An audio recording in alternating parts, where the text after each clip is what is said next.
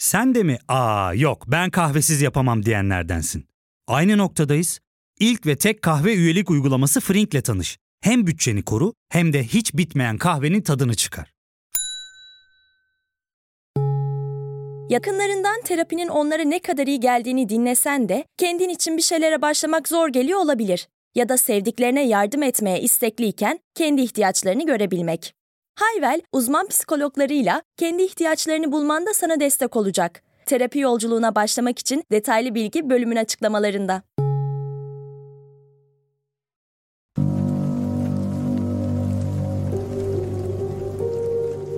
Ben Sezgi Aksu. Burası Karanlık Dosyalar. Bugün sizlerle Leonard Holmes davasını inceleyeceğiz. Ölümcül bir aşk üçgeni. Sanayi çukurlarında başlayıp savaş meydanlarına, oradan İngiltere'nin en yüksek mahkemesine uzanan bir hikaye. Ne dersiniz? İhtiras dolu bir yolculuğa çıkmaya hazır mısınız?''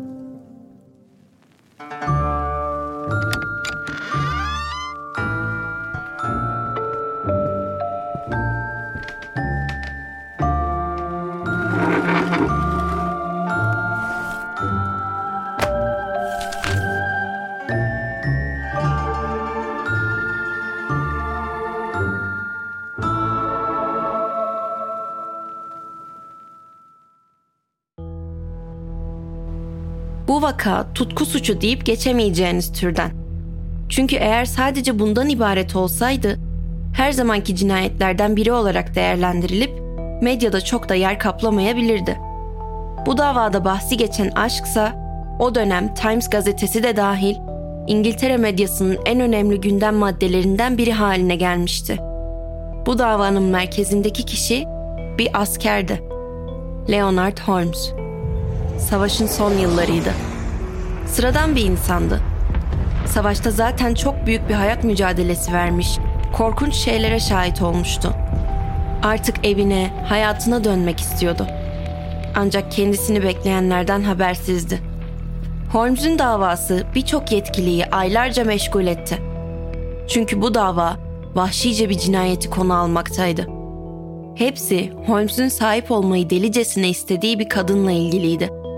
Daha doğrusu bir takıntı, bir saplantıyla. Fakat bu aşkın yolunda bir engel vardı. Karısı. Şimdi hikayeyi başa sarmamız gerek. Her şey 1943'te başladı. İkinci Dünya Savaşı yılları. O zamanlar Leonard Holmes, Batı Yorkshire'de yer alan Huddersfield kasabası yakınlarına yerleşmiş bir askerdi. 1943'ün sonlarında savaşın gidişatı başını İngilizler, Sovyetler ve Birleşik Devletler'in çektiği müttefik devletler lehine dönmeye başlamıştı. Buna rağmen yaşananlar İngiltere topraklarında büyük kayıplara sebep olmuştu. Ülkenin dört bir yanına konuşlanmış binlerce silahlı kuvvetler personeli vardı. Bunların çoğunluğu ise savaşın ilk zamanlarında bombaların hedefi olan sanayi bölgelerinde mevzilenmişlerdi. Savaşın sona ermesine bir yıl vardı ve suç oranları hızla artmaya başlamıştı. Şiddet içeren suçlar. Terhis edilen askerler başıboş kalmıştı. Onlara destek olmak amacıyla belli rehabilitasyon ve destek merkezleri kurulmuştu. Fakat bu yaşamın içerisinde pek de sınırlama yoktu. Eve silahlarıyla birlikte dönmüşlerdi. Alkol daima ellerinin altındaydı.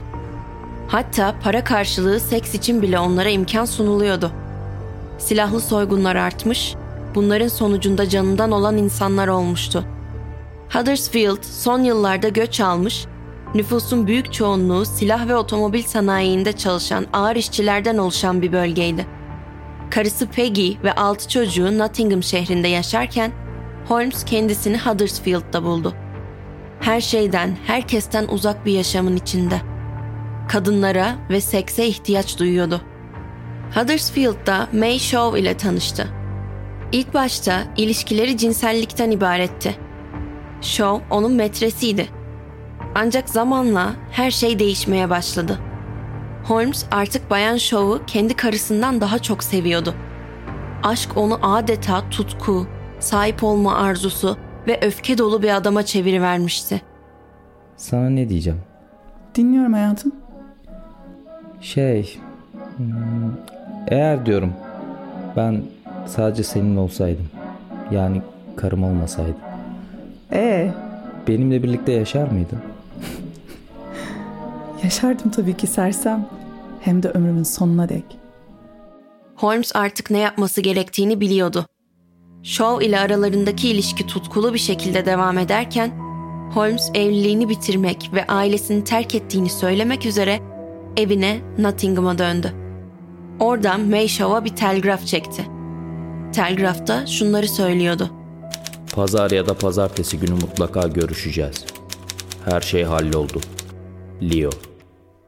19 Kasım 1945'te Holmes söz verdiği gibi May'in yanına gelip ona karısının gittiğini söyledi. Çocukları da yanına almıştı. Artık özgürlerdi. Birlikte yeni bir hayata başlayabileceklerdi. Ancak Peggy hiçbir yere gitmemişti. Hala evindeydi. Cansızdı. Leonard Holmes'un erkek kardeşi evlerine gittiğinde onun cesediyle karşılaştı. Doğal bir ölüm değildi bu. Biri onu öldürmüştü. Polislere göre cinayet 17-20 Kasım tarihleri arasında gerçekleşmiş olmalıydı. Böyle davalarda ilk ve ana şüpheli daima bellidir. Kurbanın en yakını, eşi. Holmes, Redford'da trenden indiğinde polis tarafından tutuklandı ve sorguya çekildi. Beni neden aradığınızı biliyorum. Öyle mi? Niye arıyormuşuz? Karım yüzünden. Aşağılık fahişe. Holmes'un iddiasına göre olay günü Peggy ile bölgede bulunan Carpenter's Arms adlı bir mekana gitmişlerdi. Orada Kraliyet Hava Kuvvetleri'nden bir grup asker karşı masalarında içiyordu. Holmes'un iddiasına göre karısı askerlere göz kırpmış, onlara çaktırmadan başıyla selam vermeye çalışmıştı. Bu hikaye savaş döneminde adeta bir klasikti. Kadının kocası savaşa giderse onun başka adamlarla ilişki yaşamasından şüphelenilirdi. O bakışların neydi? Ne bakışı? O askerlere olan bakışların. Saçmalamayı keser misin? Saçmalamak. Ben orada canımı tehlikeye atmış savaşırken arkamdan bunları mı çeviriyordun? Artık lütfen susar mısın? Yani saçmalıyorsun. Gerçekten saçmalıyorsun. Subaylara verdiğin baş selamını görmedin mi zannediyorsun? Kim bilir ben yokken daha ne boklar karıştırdın arkamda. Bak bu kadarı yeter tamam mı? Senin saçma kuruntularını dinlemek istemiyorum artık daha fazla. De- demek kuruntu. Evet kuruntu. Acı bu gerçek olsa bile senin beni suçlamaya ne hakkın var? Ha? Kendin çok masummuşsun gibi.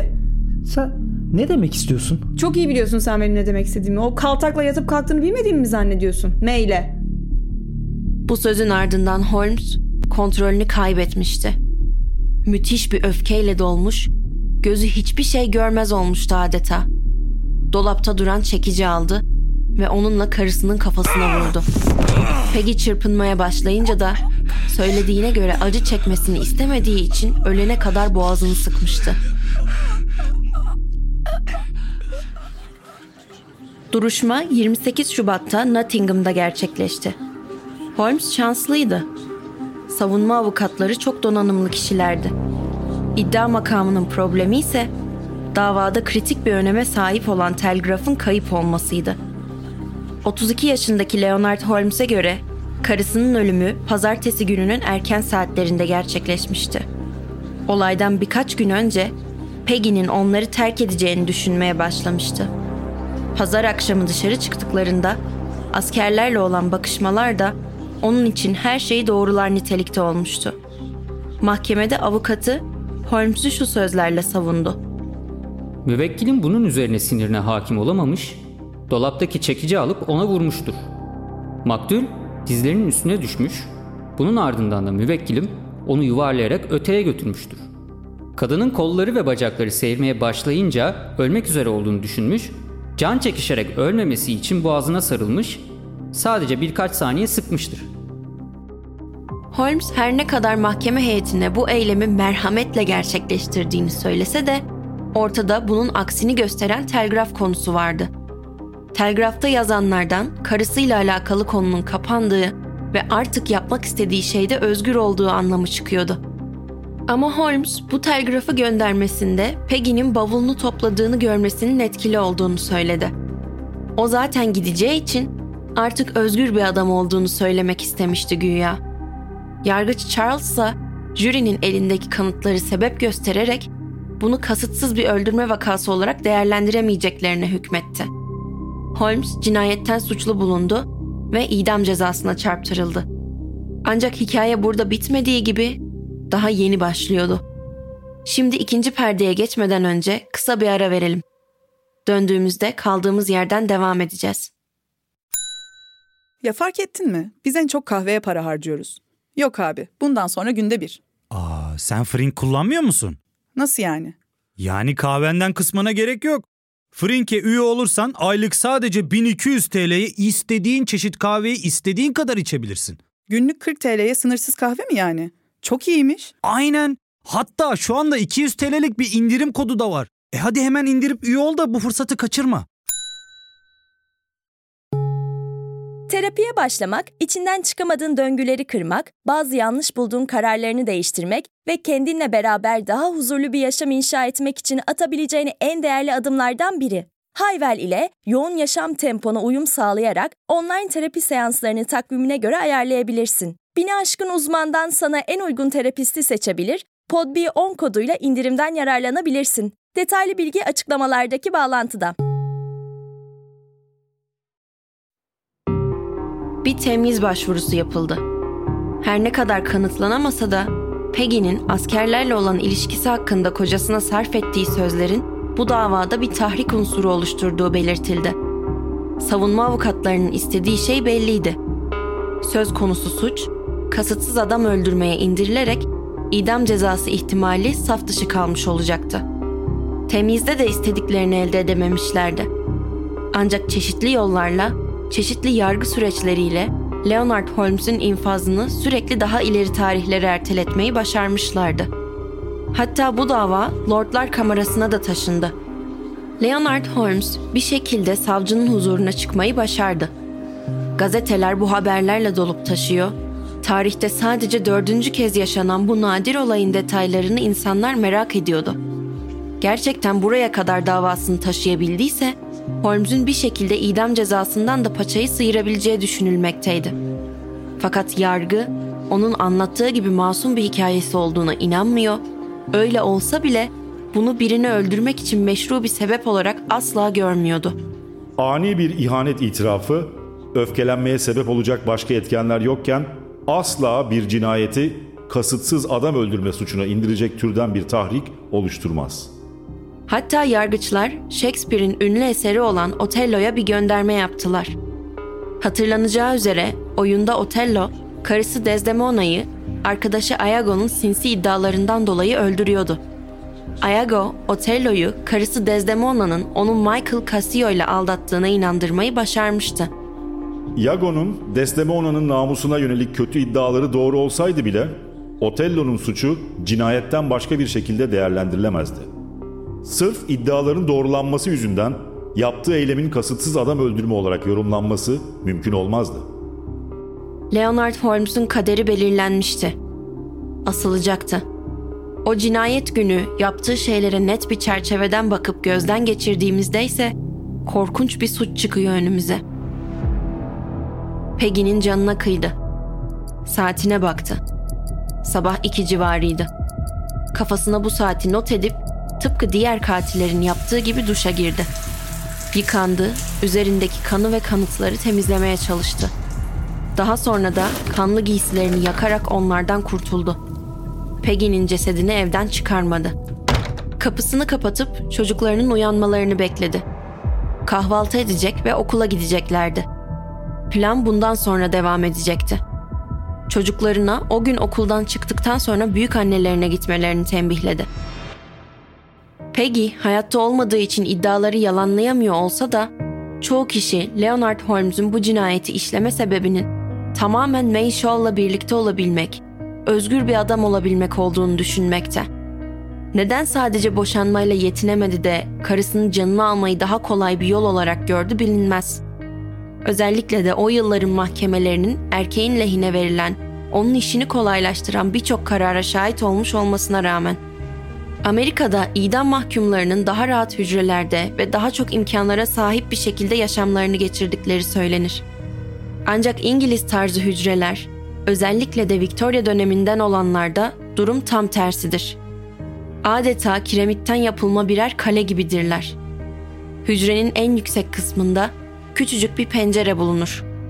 Elbette mahkumun buraya uzanması ve dışarıyı, gün ışığını görmesi imkansızdır. Amerikan hücrelerinin çoğunda mahkumun biraz olsun dünyayı görebilmesini sağlayan açık bir taraf bulunur. Ancak İngilizlerin Victoria tarzı hapishanelerinde mahkumların izole edilmesi ön plandadır. Onları derin düşüncelere daldırmak esastır. Dış dünyayı yeterince kirlettikleri için gündelik şeylerden artık tamamen uzak tutulurlar. İngiliz tarihi boyunca idam yerlerinin kendine has ritüelleri olmuştur. Eskiden idam mahkumları yüksek mertebedeki kişiler ve basın için yapılan geçit törenlerine dahil edilirlerdi. 1868'de halka açık idamlar kaldırıldı. Fakat yine de mahkumun son yürüyüşünde bir grup resmi personel yer almaktaydı. Ölüm hücresinden idam platformuna birkaç uzun adımda gidilebiliyordu. 28 Mayıs 1946'da bu adımları atan mahkum Leonard Holmes olacaktı. Son gecesini ölüm hücresinde İncil okuyarak geçirmiş, bir kadeh şarap içmesine de izin verilmişti. Nihayet sona gelinmişti. Holmes'un idamı tarihte çok da yer tutacak bir idam olmadı. Ancak idama giden süreç İngiliz birçok kişiye ibret olacak nitelikteydi. 15. yüzyılda birçok kaynakta olan meşhur imgelerden biri yatağın başında dikilen şeytan figürüdür. Yatağın örtülerini çekmiş haldedir ve bu şekilde zina yapan iki kişiyi gözler önüne serer. Bundan çıkarılan anlamsa İngiliz kültüründe yer etmiş, adeta kemikleşmiştir. Yapılan zina er ya da geç ortaya çıkacaktır. İyi bir Hristiyan evliliğinin yıkılmasına yönelik bu kınama mahkemelerde de yüzyıllar boyu devam etmişti. Holmes'un davasının görüldüğü zamanlardaysa bu olayların ahlaki yönü görmezden geliniyordu. Savaş insanların eşlerini aldatmasını o kadar normal hale getirmişti ki artık korkunç bir şey gibi bakılmıyordu. Ancak söz konusu böyle bir aldatmanın yol açtığı bir cinayet olunca işler değişmişti elbette. İnsanların zaafları olabilir, yoldan çıkabilirlerdi. Ancak cinayet bambaşka bir suçtu. Bu olaya bir tutku suçu denilebilirdi.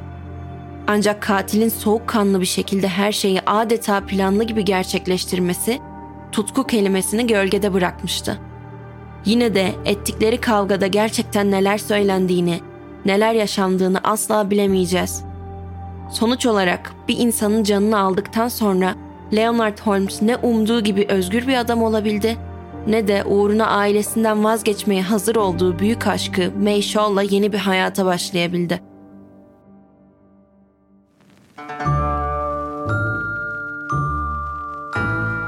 Evet, bu haftanın karanlık dosyasının da sonuna geldik. Bir sonraki karanlık dosyada görüşmek üzere. Kendinize iyi bakın.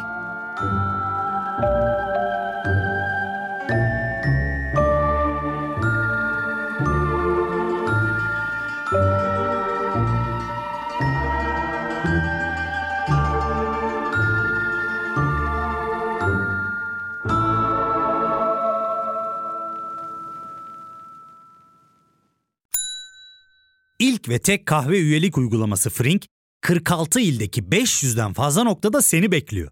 Açıklamadaki kodu girerek sana özel 200 TL'lik indirimden faydalanmayı unutma. Hadi sen de Frink üyeliğini başlat, kahven hiç bitmesin. Hem bugününe hem yarınına katacaklarıyla terapi yolculuğuna ve daha iyi hissetmeye bugün Hayvel ile başla. Açıklamadaki linkten Hayvel'i indir, ücretsiz tanışma görüşmelerinin ardından bütçene uygun seans paketini seç ve terapi yolculuğuna başla.